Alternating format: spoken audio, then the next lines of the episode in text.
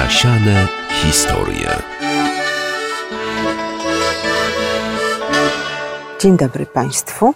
W sobotni poranek wita Państwa Bogna Bender-Motyka, dyrektor Muzeum Wsi Lubelskiej. W naszych cotygodniowych spotkaniach zatytułowanych Zasiane historie odwiedzamy poszczególne miejsca z Muzeum Wsi Lubelskiej. Dzisiaj odwiedzimy m.in. dwór z Żyżyna, w którym nasz gość, pan Kamil Kotarski, opowie o tradycyjnych potrawach dworskich i o tajnikach tej kuchni. Zapraszam Państwa do audycji. Zasiane historie. Zanim przejdziemy do y, dworu i będziemy snuć opowieść o kuchni dworskiej, zajrzymy na chwileczkę na roztocze do y, naszej chałupy, zagrody Steodorówki, gdzie dzisiaj właśnie dzieją się rzeczy niezwykłe. Widzę nasze pracownice w strojach, w przebraniu, Cóż tu się będzie działo, Pani Aniu? My kontynuujemy prace takie, które mają na celu pokazać właśnie to, czym się zajmujemy na co dzień w sieci, więc realizujemy filmy e, na miarę naszych możliwości, filmy, które właśnie pokazują tą pracę edukacyjną i mają, mamy nadzieję, też e, na celu zainspirować rodziny z dziećmi, które są teraz w domach, nie mogą nas odwiedzać. Chcemy się dzielić tym, e, co wiemy, co potrafimy. I dziś jeden z takich filmów to taki film instruktażowy poświęcony malowanym skrzyniom, wiannym, które dawniej były w, na wyposażeniu chałup wiejskich i e, koleżanka, pani Marzena Bury, pokaże właśnie w, jak taki model skrzyni wiannej z takich form tekturowych wykonać. Rozumiem, że ten filmik pojawi się w sieci, pojawi się na naszej stronie, ale gdzieś jeszcze? Pojawi się tak na naszej stronie internetowej, na naszym oficjalnym e, profilu e, facebookowym. Te filmy już realizujemy od tego okresu przedświątecznego. W tygodniu planowanych mamy kilka takich nagrań, ale dziś też tak wyjątkowe nagranie się odbywało, bo przygotowywaliśmy się dziś do konkursu organizowanego przez Polską Organizację Turystyczną, więc było duże wyzwanie, bo naszym zadaniem było nakręcenie filmu trwającego od 15 do 30 sekund, w którym pojawi się hashtag Czekamy na Was wypowiadane albo w formie tekstu, więc tutaj pomysł też był, więc korzystaliśmy do tego poduchę z haftem, takim nawiązującym do haftów makatkowych, gdzie był właśnie hashtag Czekamy na Was i gospodyni wietrząca pościel i, i między innymi rozkładające tą e, poduchę. Taki plastyczny, ładny obraz, mam nadzieję, z tego wyszedł, więc będziemy oczekiwać na wyniki konkursu. Możemy przypuszczać, że głosy w jakiś sposób będą mogli także przekazywać nasi słuchacze. Mamy nadzieję, chociaż takich szczegółów jeszcze nie znamy. Więc zobaczymy, czy filmy będą wybierane przez jury z Polskiej Organizacji Turystycznej, czy też miejmy nadzieję, słuchacze czy miłośnicy skansenu też będą mogli przyczynić się tutaj do, do ewentualnego zwycięstwa, na co liczymy, trzymamy kciuki. Więc jak Państwo słyszycie, to, że muzeum jest zamknięte dla zwiedzających, to wcale nie znaczy, że muzeum śpi. Cały czas coś się dzieje, pamiętamy i tęsknimy za Państwem, e, licząc na to, że lada dzień bramy muzeum naszego dla Państwa również się otworzą. Dziękuję za spotkanie. Moim rozmówcą była Pani Anna Fajge-Samoń. Wyjdziemy jeszcze na chwileczkę do chałupy. Zasiane historie.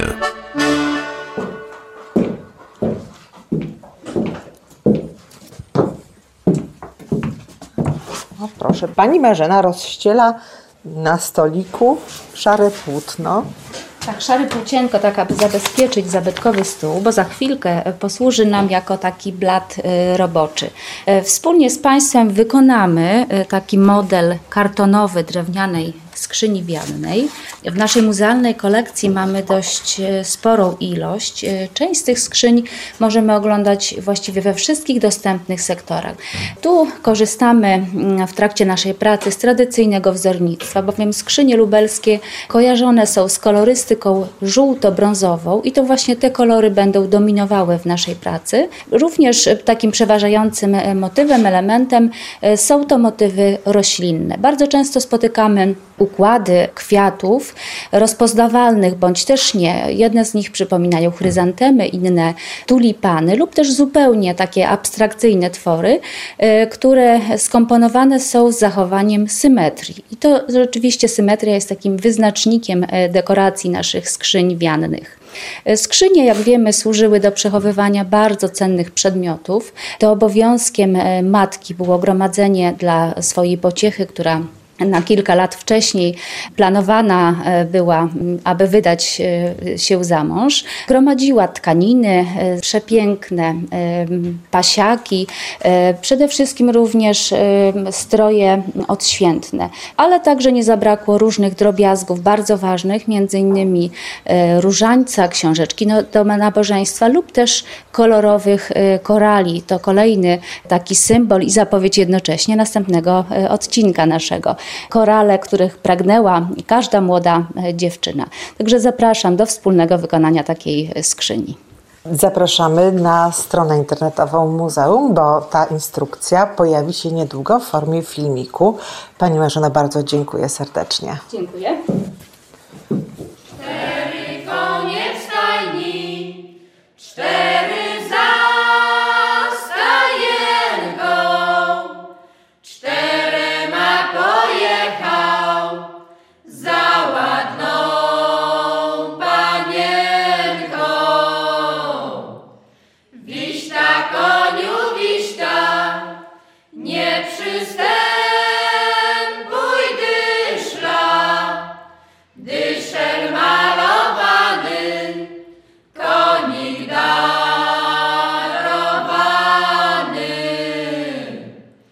Yeah.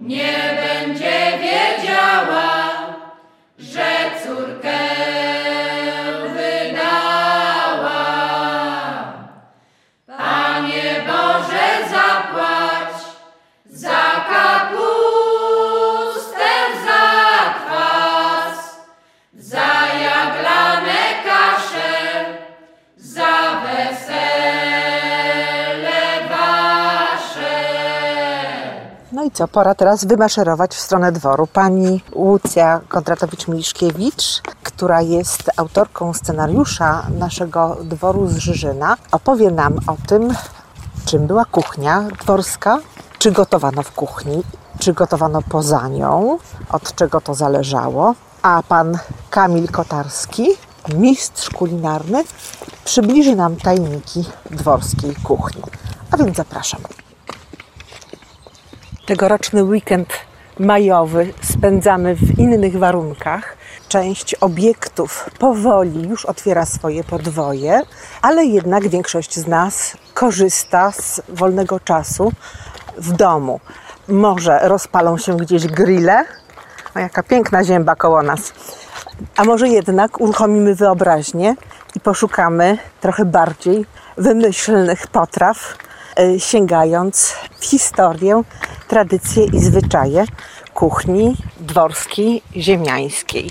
Panie Kamilu, kuchnia dworska to nie była zwykła zupa szczawiowa, czy kiełbasa, czy y, karkówka smażona.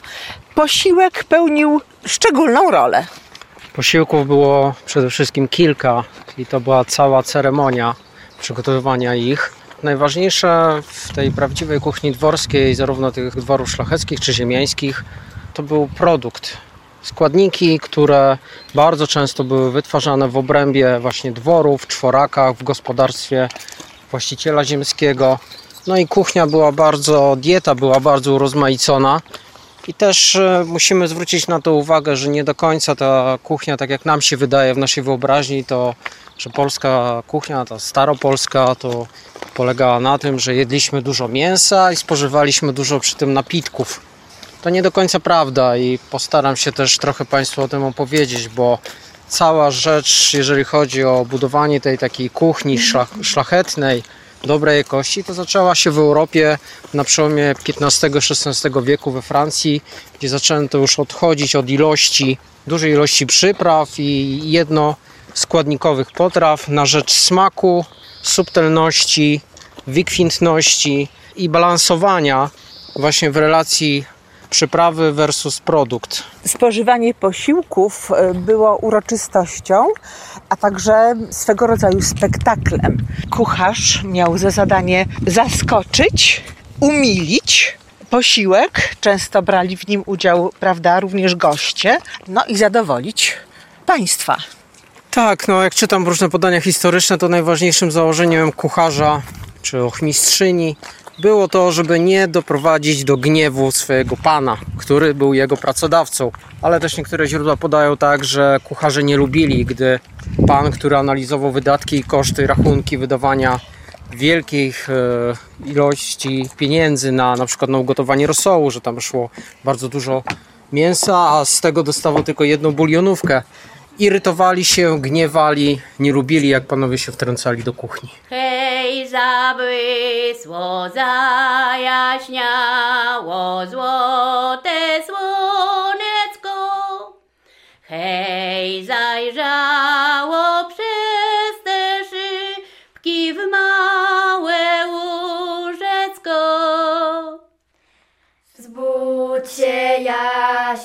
Jasiu, otwórz łocy, bo już czas wielki. Już na trowie poginęły rosy kropelki. Już na trowie poginęły rosy kropelki. Matulajka zgotowała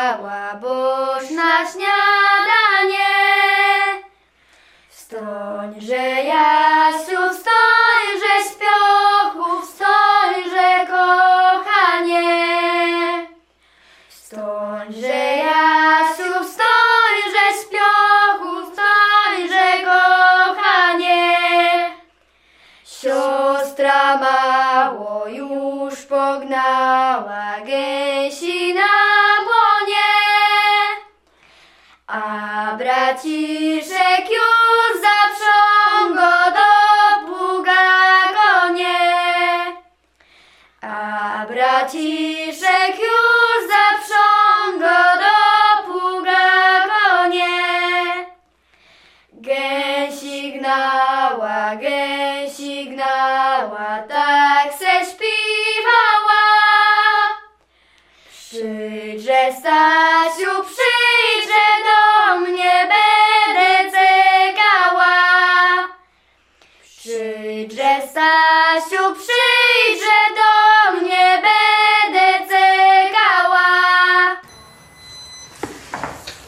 Dźwięk alarmu słychać.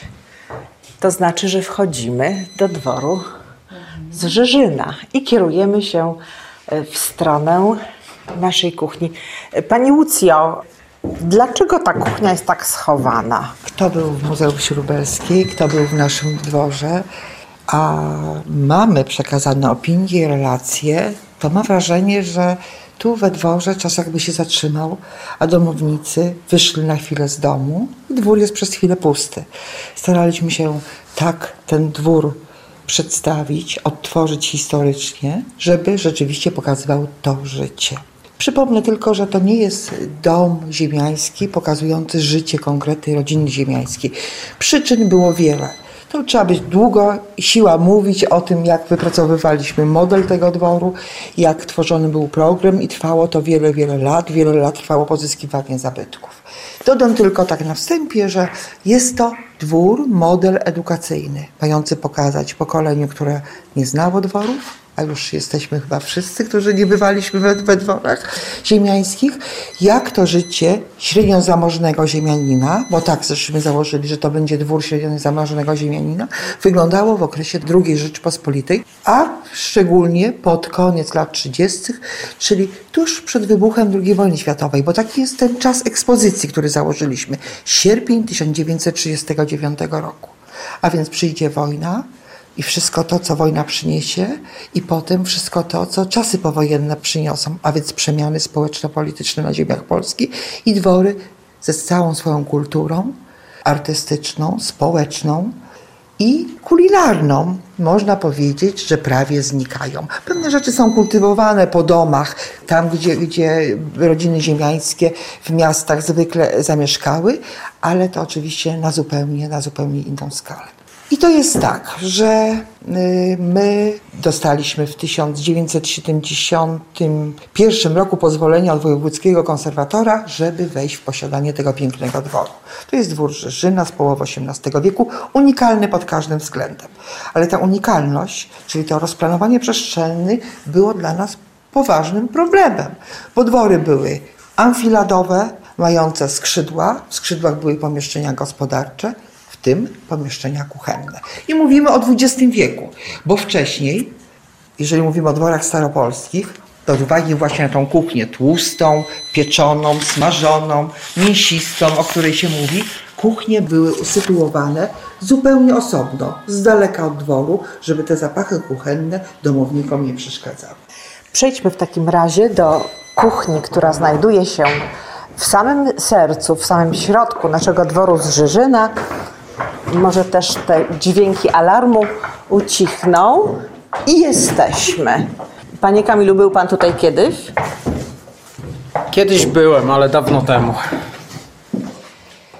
I to jest tak, że, że kuchnie były w przypadku dworów staropolskich z daleka w oficynach. W XX wieku, w związku ze zmianą specyfiki kuchni, mówimy o smakach, o potrawach, o sposobie przygotowania, już przeciętnie w dworze mieszkalnym, w tym budynku, w którym mieszkała rodzina ziemiańska. Ulokowane w skrzydłach budynku, też żeby to, co z kuchni się, prawda, wydobywał, wydziela, można powiedzieć, nie przeszkadzało domownikom, nie prawda, wnikało do salonu, czy do, do prawda, pokoju gościnnego, czy, czy do innych pomieszczeń, na przykład gabinetu pana domu. Bo my tego też nie lubimy dzisiaj. Zgoda na ciasnota naszych pomieszczeń powoduje, że niestety jesteśmy skazani, zwłaszcza kiedy mamy pokoje z aneksem kuchennym. To już jest bezpośredniość zapachu jednoznaczna. I jesteśmy w pomieszczeniu, które nazywa się kredensem. I teraz tak, żeby wejść w takie zagadnienie kredensu, to nie mogę nie, po, nie opowiedzieć, streścić y, nowelki Sienkiewicza Janko Muzykant. Otóż nie wiem, czy Państwo pamiętacie tę lekturę szkolną, kiedy prawda, w chałupie na świat przychodzi Janek. Jest dziecko chorowite i mama też w tych trudach po- porodowych ma zagrożone życie. Ale okazuje się, że kilka dni minęły i Janek przeżył, mama też przeżyła, wróciła do pracy. Ale był innym chłopcem, innym niż wszystkie dzieciaki we wsi. Wszędzie słyszał muzykę. Kiedy widłami pracował, słyszał muzykę. Kiedy wóz jechał, słyszał muzykę. Kiedy wiatr wiał, też słyszał muzykę. Zakradał się pod karczmę, gdzie Żydzi przygrywali na swoich instrumentach i słuchał tej muzyki. I zakradał się pod dwór. I widział pomieszczenie oświetlone, w środku mężczyznę i na ścianie skrzypce.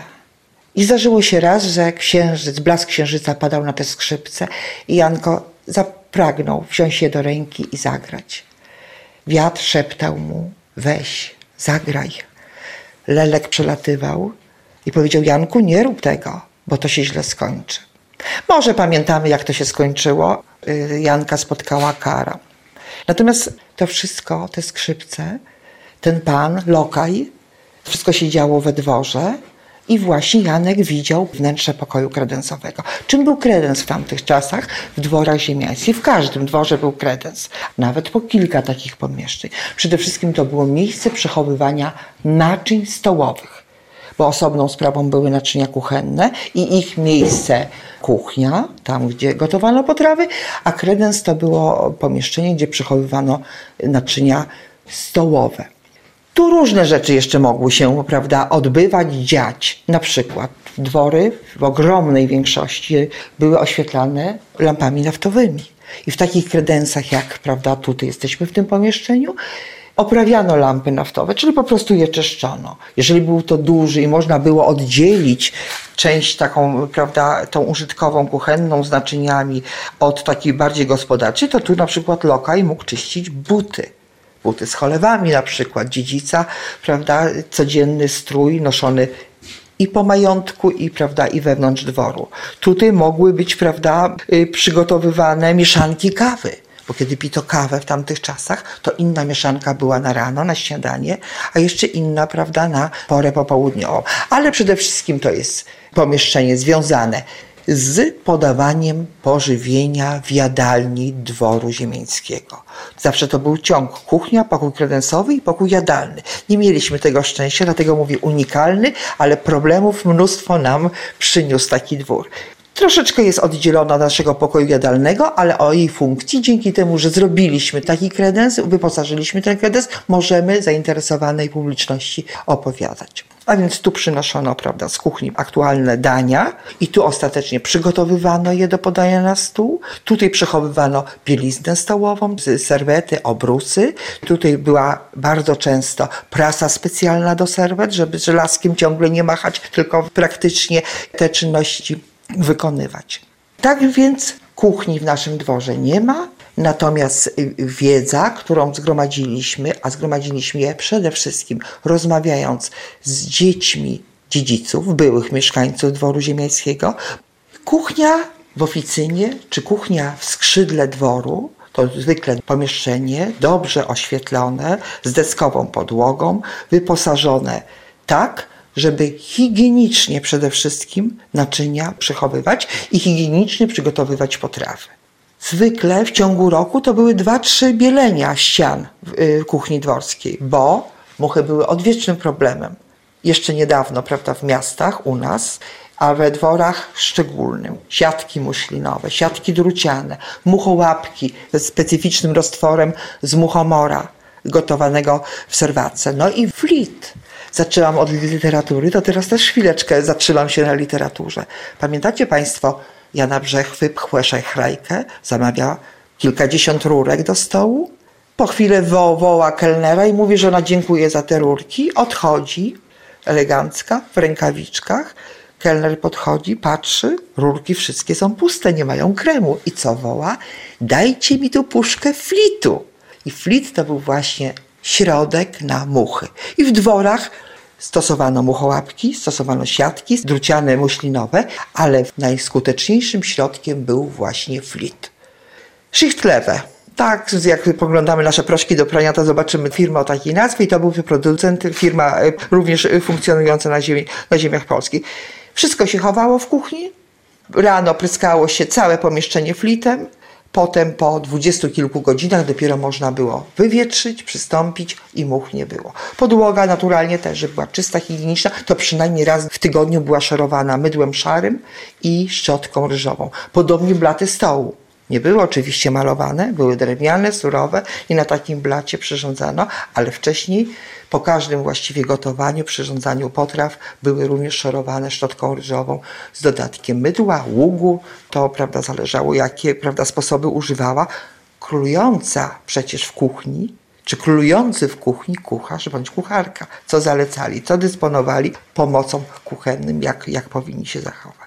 Będę, mówiąc o kuchni dworskiej, no przede wszystkim y, tutaj pan Kamil wspomniał o zaopatrzeniu. Większość, ogromna większość to przecież majątek sam produkował, ale też były te, prawda, produkty kupowane. Naturalnie cukier w cukrowni. Nie kilogram, tylko 50 kilo. I to w spiżarni znajdowało się. Sól też kilkadziesiąt kilo. Często kaszę gryczaną, to już były produkty kupowane do dworu, bo nie, nie w każdym dworze, prawda, siano grykę. Y, W kuchni poza przygotowywaniem posiłków, szereg czynności związanych z przygotowaniem pożywienia, potraw, które wynikały z pewnej specyfiki zamożności. Jeżeli dwór miał oborę mleczną, 30 do 60 krów, to była obora zarobkowa, bardzo ważna dla funkcjonowania dworu, bo dawała co? Dochód na bieżące potrzeby. To był ciągły dochód, więc z tych krów jest mleko. Albo odstawiano do mleczarni, na przykład w miasteczku, i tam już z mleczarni otrzymywano masło i ser, albo y, robiono sery, czy robiono masło właśnie w kuchni dworskiej. Poza zwykłymi serami twarogowymi na przykład były takie popularne w dworach robione przez pracowników kuchni dworskiej sery guma. Czyli robiło się twaróg, zostawiało się go na 7-10 dni.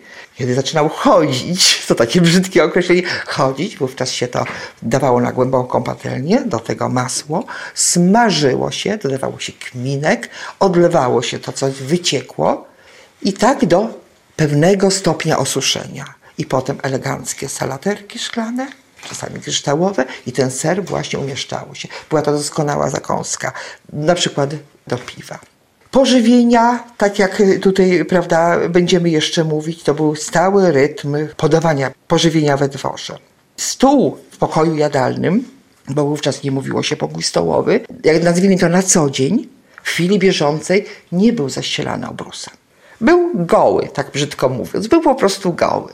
Przychodziła pora śniadaniowa, pokojówka przynosiła obrusy adamaszkowe, lniane bardzo często, kolorowe. I takie też obowiązywały na kolację.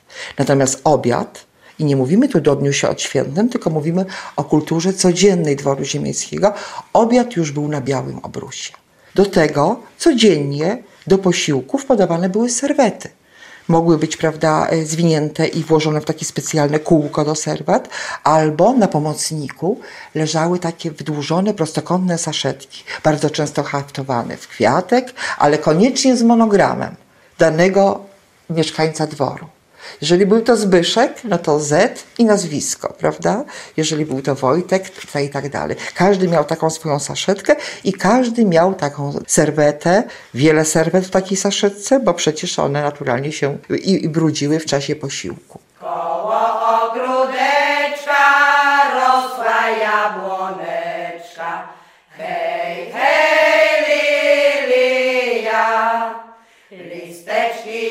zielone, jabłuszka czerwone.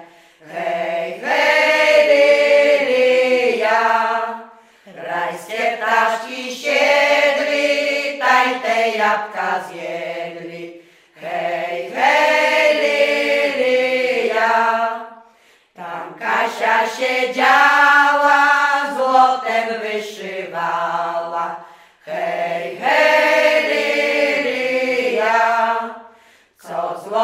wyszyje, to matce daruje. Hej, hej,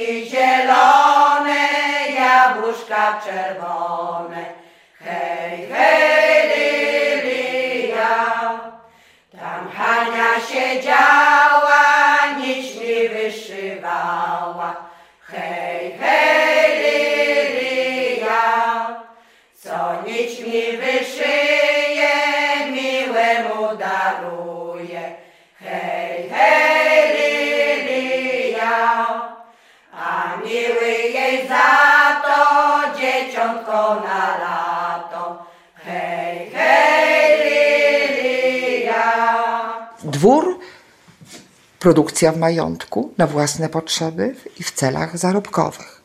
Bo przecież jest to majątek, my pokazujemy dwór średniozamożny, mający y, jako źródła zbytu, mający około 500 hektarów ziemi. Na to składają się pola orne, pastwiska, las, stawy itd., itd.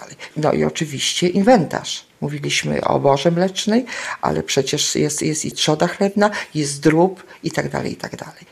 I teraz jest, prawda, przerób i przechowalnictwo żywności. I dla przetwórstwa, również na domowe potrzeby, niezwykle ważne było wyznaczenie tego sposobu przechowania tych produktów, tak żeby przetrwały również na późniejszy, na sezon zimowy i na wczesną wiosnę. Dlatego w kontekście dworu możemy mówić o trzech, nawet trzech kategoriach lodowni. Jedna kategoria lodowni to jest miejsce składowania lodu, który się pobierało zimą ze stawu, ale tylko składowania.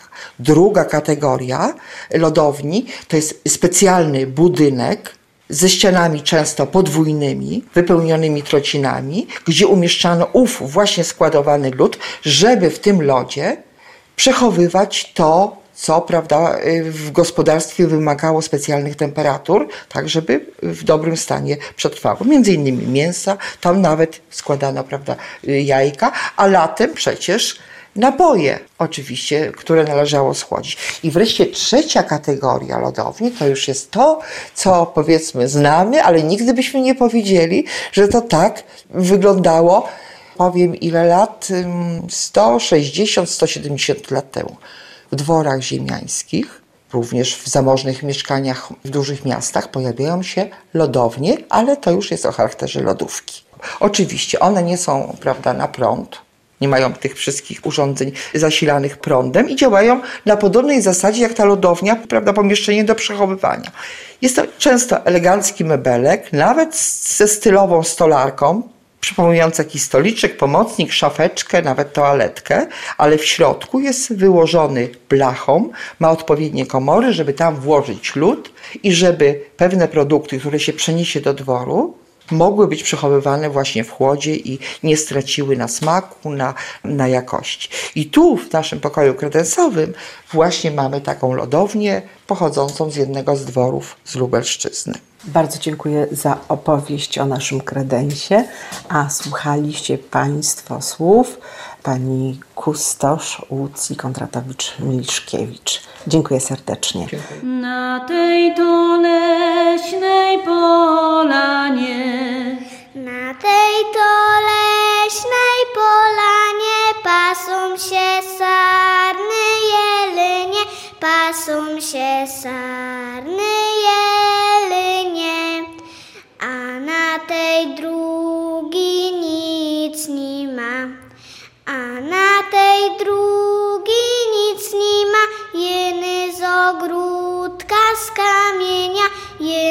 ogródka z kamienia. A w tej z ogródce jabłonka, a w tej z ogródce jabłonka sadziła ją tam dziołuszka, sadziła ją tam dziołuszka. A jak ją ona sadziła, a jak ją ona sadziła, trzy słówka do niej mówiła, trzy słówka do niej mówiła. Rośnie jabłonko wysoce, rośnie jabłonko wysoce, przynieś do roku owoce, przynieś do roku owoce. A jak już było po roce, a jak już było po roce, tam były piękne owoce, tam były piękne owoce. Panie Kamilu, wychodzimy z kredensu i idziemy do jadalni. Mamy lodówkę, w której przechowaliśmy mięsiwo. Może to też jest mięsiwo z polowania, a może z jakiegoś wołu lub innego zwierzęcia, może jakiś drób. Talerze czekają. Nasz piękny Rosenthal z przeuroczym motywem jeżyn. Aż smuci, że jest pusty. Czym pan napełniłby te talerze? Wyzwanie to nie lada jest dla mnie, ponieważ kultura kulinarna w tamtych czasach była zupełnie inna niż dzisiaj.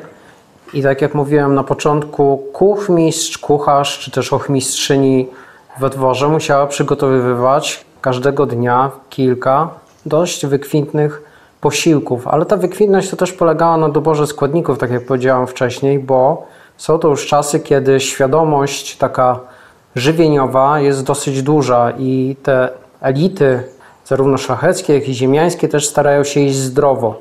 Zdrowo, ponieważ tych pokarmów jest dosyć dużo, dieta jest urozmaicona.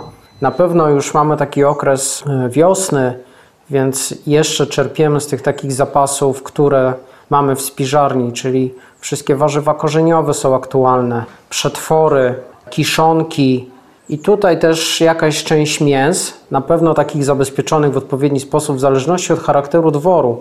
Czyli może być to e, wieprzowina, która była przechowywana właśnie w takiej lodowni, zasolona, wołowina lub też skruszała dziczyzna, która została odpowiednio wcześniej upolowana i wisiała na sznurku. I tutaj zając e, czy dziki królik w śmietanie, pieczony bażant, na pewno też ryby, Zupy były dosyć e, też popularne, ponieważ no, polska kuchnia też zupami stoi, więc myślę, że na pewno mogłoby być to jakiś rosół, e, zupa grzybowa, kapuśniak, który przywędrował trochę do nas z Francji jako swojego rodzaju połączenie właśnie przetworzonych e, składników z tymi warzywami, które możemy, mogliśmy wtedy wyprodukować w ramach prowadzonego dworu i wety. Wety dworskie, z których ta nasza kulinarna kultura dworska też słynęła, czyli różnego rodzaju desery. I w zależności pewnie od dnia i od okoliczności były one bardziej wykwintne. Podawano m.in. suszone owoce, orzechy, kawę bardzo mocną, e, mocno parzoną w specjalnym zaparzaczu, no i cukier. Z tym cukrem to z tego co ja się dowiedziałem, to jest historia mianowicie taka, że długi czas potrzebował cukier na adaptację w naszej kulturze, też ze względu na cenę. Na cenę, ale jeszcze wcześniej w dawnej, w dawnej Polsce cukier uważano za produkt też poniekąd grzeszny, ponieważ służył do przyjemności, do osładzania sobie życia, więc niejako to kolidowało trochę też z naszymi przekonaniami takimi dotyczącymi religii i różnymi nakazami, które mówił Kościół. Wiadomo, że z czasem to się zmieniało i rozwijało. Podawano, jeżeli mogę powiedzieć, z tych takich rzeczy deserowych, słodkich, oprócz tych orzechów, wykwintnej kawy czy też herbaty, które nosiły miano produktów kolonialnych, bo były sprowadzane z dalekich kolonii, nie każdego było na nie stać. Na pewno już zaczęły się pojawiać pierwsze budynie, mleczka, osładzane właśnie między innymi karmelizowanym cukrem, które miały zabarwienie karmelu.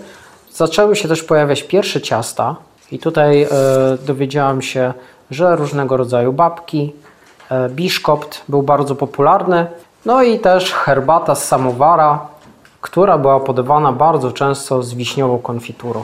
No a za nami, dokładnie za Pana plecami jest samowar, a pod nim kosz z szyszkami, bo przecież y, samowar y, uzyskiwał wysoką temperaturę z szyszek i przez to chyba zrobił taką y, furorę na całym świecie, bo nie trzeba było drewna, wystarczyło nazbierać szyszek i gorący napój wyśmienicie ogrzewał bez termosu z samowarem w świat.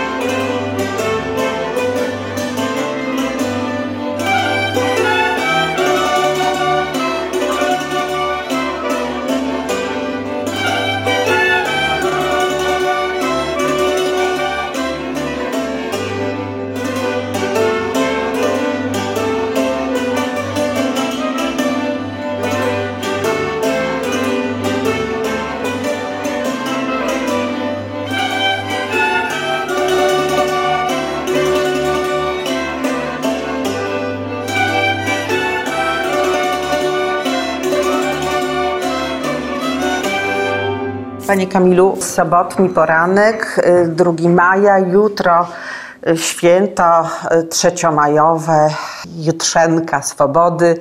Co w takim y, domu ziemiańskim, kiedy to święto y, z taką estymą podczas rozbiorów i później przeżywano, na takim stole mogło się znaleźć?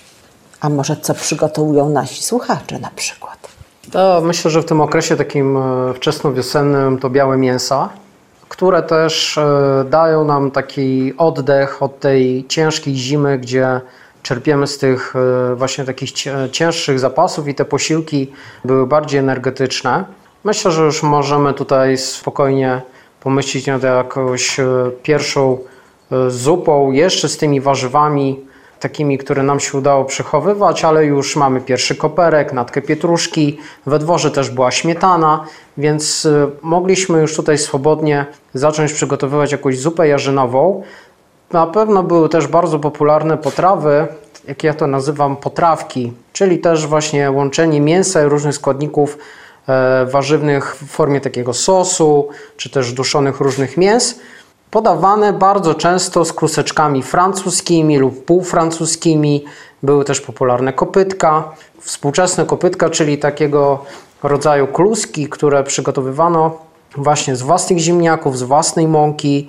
Były bardzo delikatne, polane masłem i do tego właśnie różnego rodzaju delikatnie przygotowywane mięsa białe w towarzystwie właśnie takiego sosu śmietanowego. E, Myślę, że też na pewno nie mogło takie spotkanie, taki obiad, nie mógł się też obejść bez odpowiedniego deseru. I tutaj różnego rodzaju galaretki, też właśnie mleczko takie karmelowe, które było kiedyś bardzo popularne, mogło tutaj rozpieszczać podniebienia mieszkańców takiego dworu. Bo posiłek to przede wszystkim wspólnie spędzony czas, rodzinnie, czasami z jakąś ciocią rezydentką, z gośćmi, często z księdzem proboszczem, który przychodził na święto i wspólnie ucztowano, ale też obowiązywała taka zasada, że ma się nic nie marnować. Mimo wszystko trzeba było racjonalnie, rozsądnie i z ogromnym szacunkiem dla posiłków nad tą kuchnią panować. Z tego co mi się wydaje, to za to był odpowiedzialny kucharz, kuchmistrz, ochmistrzynia czy ochmistrz, który zawiadywał e, właśnie produktami i kosztami, był za to odpowiedzialny, żeby dwór też to mógł udźwignąć. Jeżeli dwór w, miał dosyć sporo ziemi i sam we własnym zakresie potrafi większość rzeczy wyprodukować, no to jakby to było mniej skomplikowane i mniej uciążliwe dla dworu, aczkolwiek wiadomo, że było większe poszanowanie do produktu, to na pewno. Starano się jak najwięcej wykorzystać, jak najmniej zmarnować i tutaj trochę odbiję do współczesności, bo my kucharze wracamy do tego trendu, że najlepiej to pokazać na rozbiorze tuszy wołowej, że wykorzystujemy każdy fragment, element mięsa zgodnie z zasadą od głowy do ogona. I to się nawet już zaczęło w Polsce dawno, dawno temu, bo byliśmy mistrzami w przyrządzaniu ryb i te ryby też oczywiście przygotowywano we dworach. E, I ten e, znany wśród historyków e, szczupak po polsku, który w jednej części był pieczony, w jednej części był gotowany, w jeszcze innej części był smażony i był składany w całość, a jeszcze, jak podaje Czerniecki, był dekorowany i podawany w formie bażanta, to ku zaskoczeniu Francuzów było niesamowite. To też właśnie ta ryba, że od głowy do ogona wykorzystywano wszystko i nic się nie marnowało w tamtych czasach. Przynajmniej mam takie wrażenie, że e, w tamtych czasach starano się o to, żeby e, szanować to, co ziemia nam daje i to, co możemy wykorzystać, przetworzyć na dany sezon, bo też ta sezonowość została w, naszym, w naszej kulturze i mamy to we krwi. Kuchnia polska to są cztery pory roku, jak u Vivaldiego. Panie Kamilu, y, mogę śmiało powiedzieć, że jest Pan przyjacielem Muzeum Wsi Lubelskiej i lubi Pan przebywać w naszych przestrzeniach, y, do których zapraszamy wszystkich naszych słuchaczy i przyjaciół i mam nadzieję, że już tłumnie niedługo będziecie Państwo gościć w naszych progach. Czy muzeum Pana jakoś inspiruje? Czym dla Pana są nasze kuchnie, nasze opowieści o dawnym życiu codziennym mieszkańców Lubelszczyzny? E, Miejsce jest niezwykłe, bo E, Muzeum Wsi Lubelskiej, e, jeżeli Państwo jeszcze do tej pory dobrze go nie poznali, to zapraszam, żeby na cały dzień wędrówki i przygody, ponieważ jest podzielone na bardzo charakterystyczne regiony naszego województwa i każdy z tych regionów ma coś ciekawego do zaoferowania. Jak się wejdzie do, do chatki, do domu, czy je, jesteśmy i zwiedzamy miasteczko prowincjonalne, ten rynek, to trzeba się na chwilę zatrzymać i poczuć ducha i klimat tamtych czasów. Poprzyglądać się dokładnie tym eksponatom, które zostały zachowane i które pokazują charakter i kulturę dawnych lat. I na pewno też trzeba po prostu wyobrazić sobie, co w tamtych czasach mogło się dziać. Różne są miejsca, różne są zabudowania z różnego okresu, ale to, co bardzo często powtarzam i to, co jest wspólnym mianownikiem, to jest jednak historia i tradycja. I to widzę, że muzeum bardzo o to dba i stara się przechowywać i promować i też dzielić się tą wiedzą e, taką historyczną i od tego tutaj właśnie też jest dział edukacji, który bardzo dba o, o to, żeby ta wiedza była przekazywana właśnie odwiedzającym muzeum.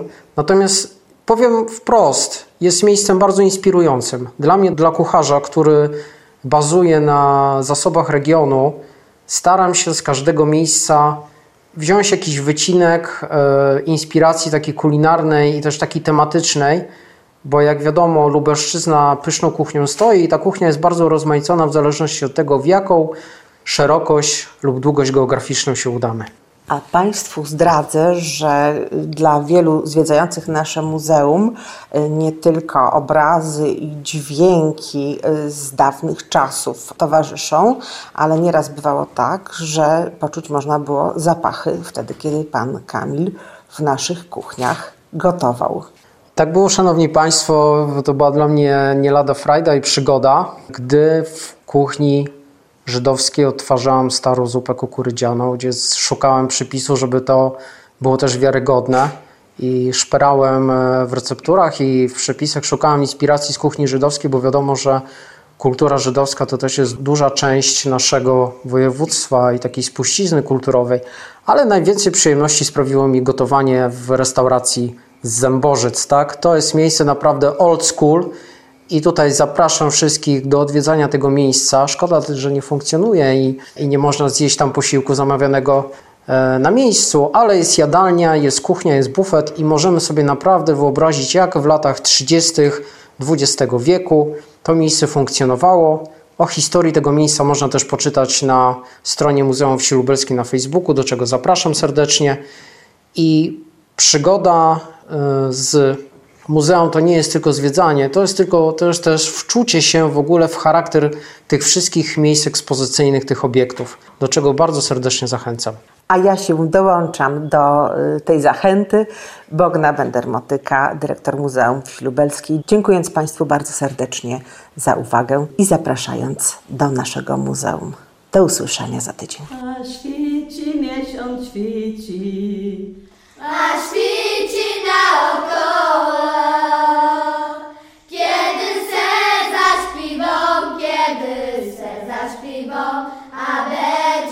wesołe. Kiedy se zaśpiwą, kiedy se zaśpiwą, a będzie nam wesołe. A słonek słe się skryłe, a za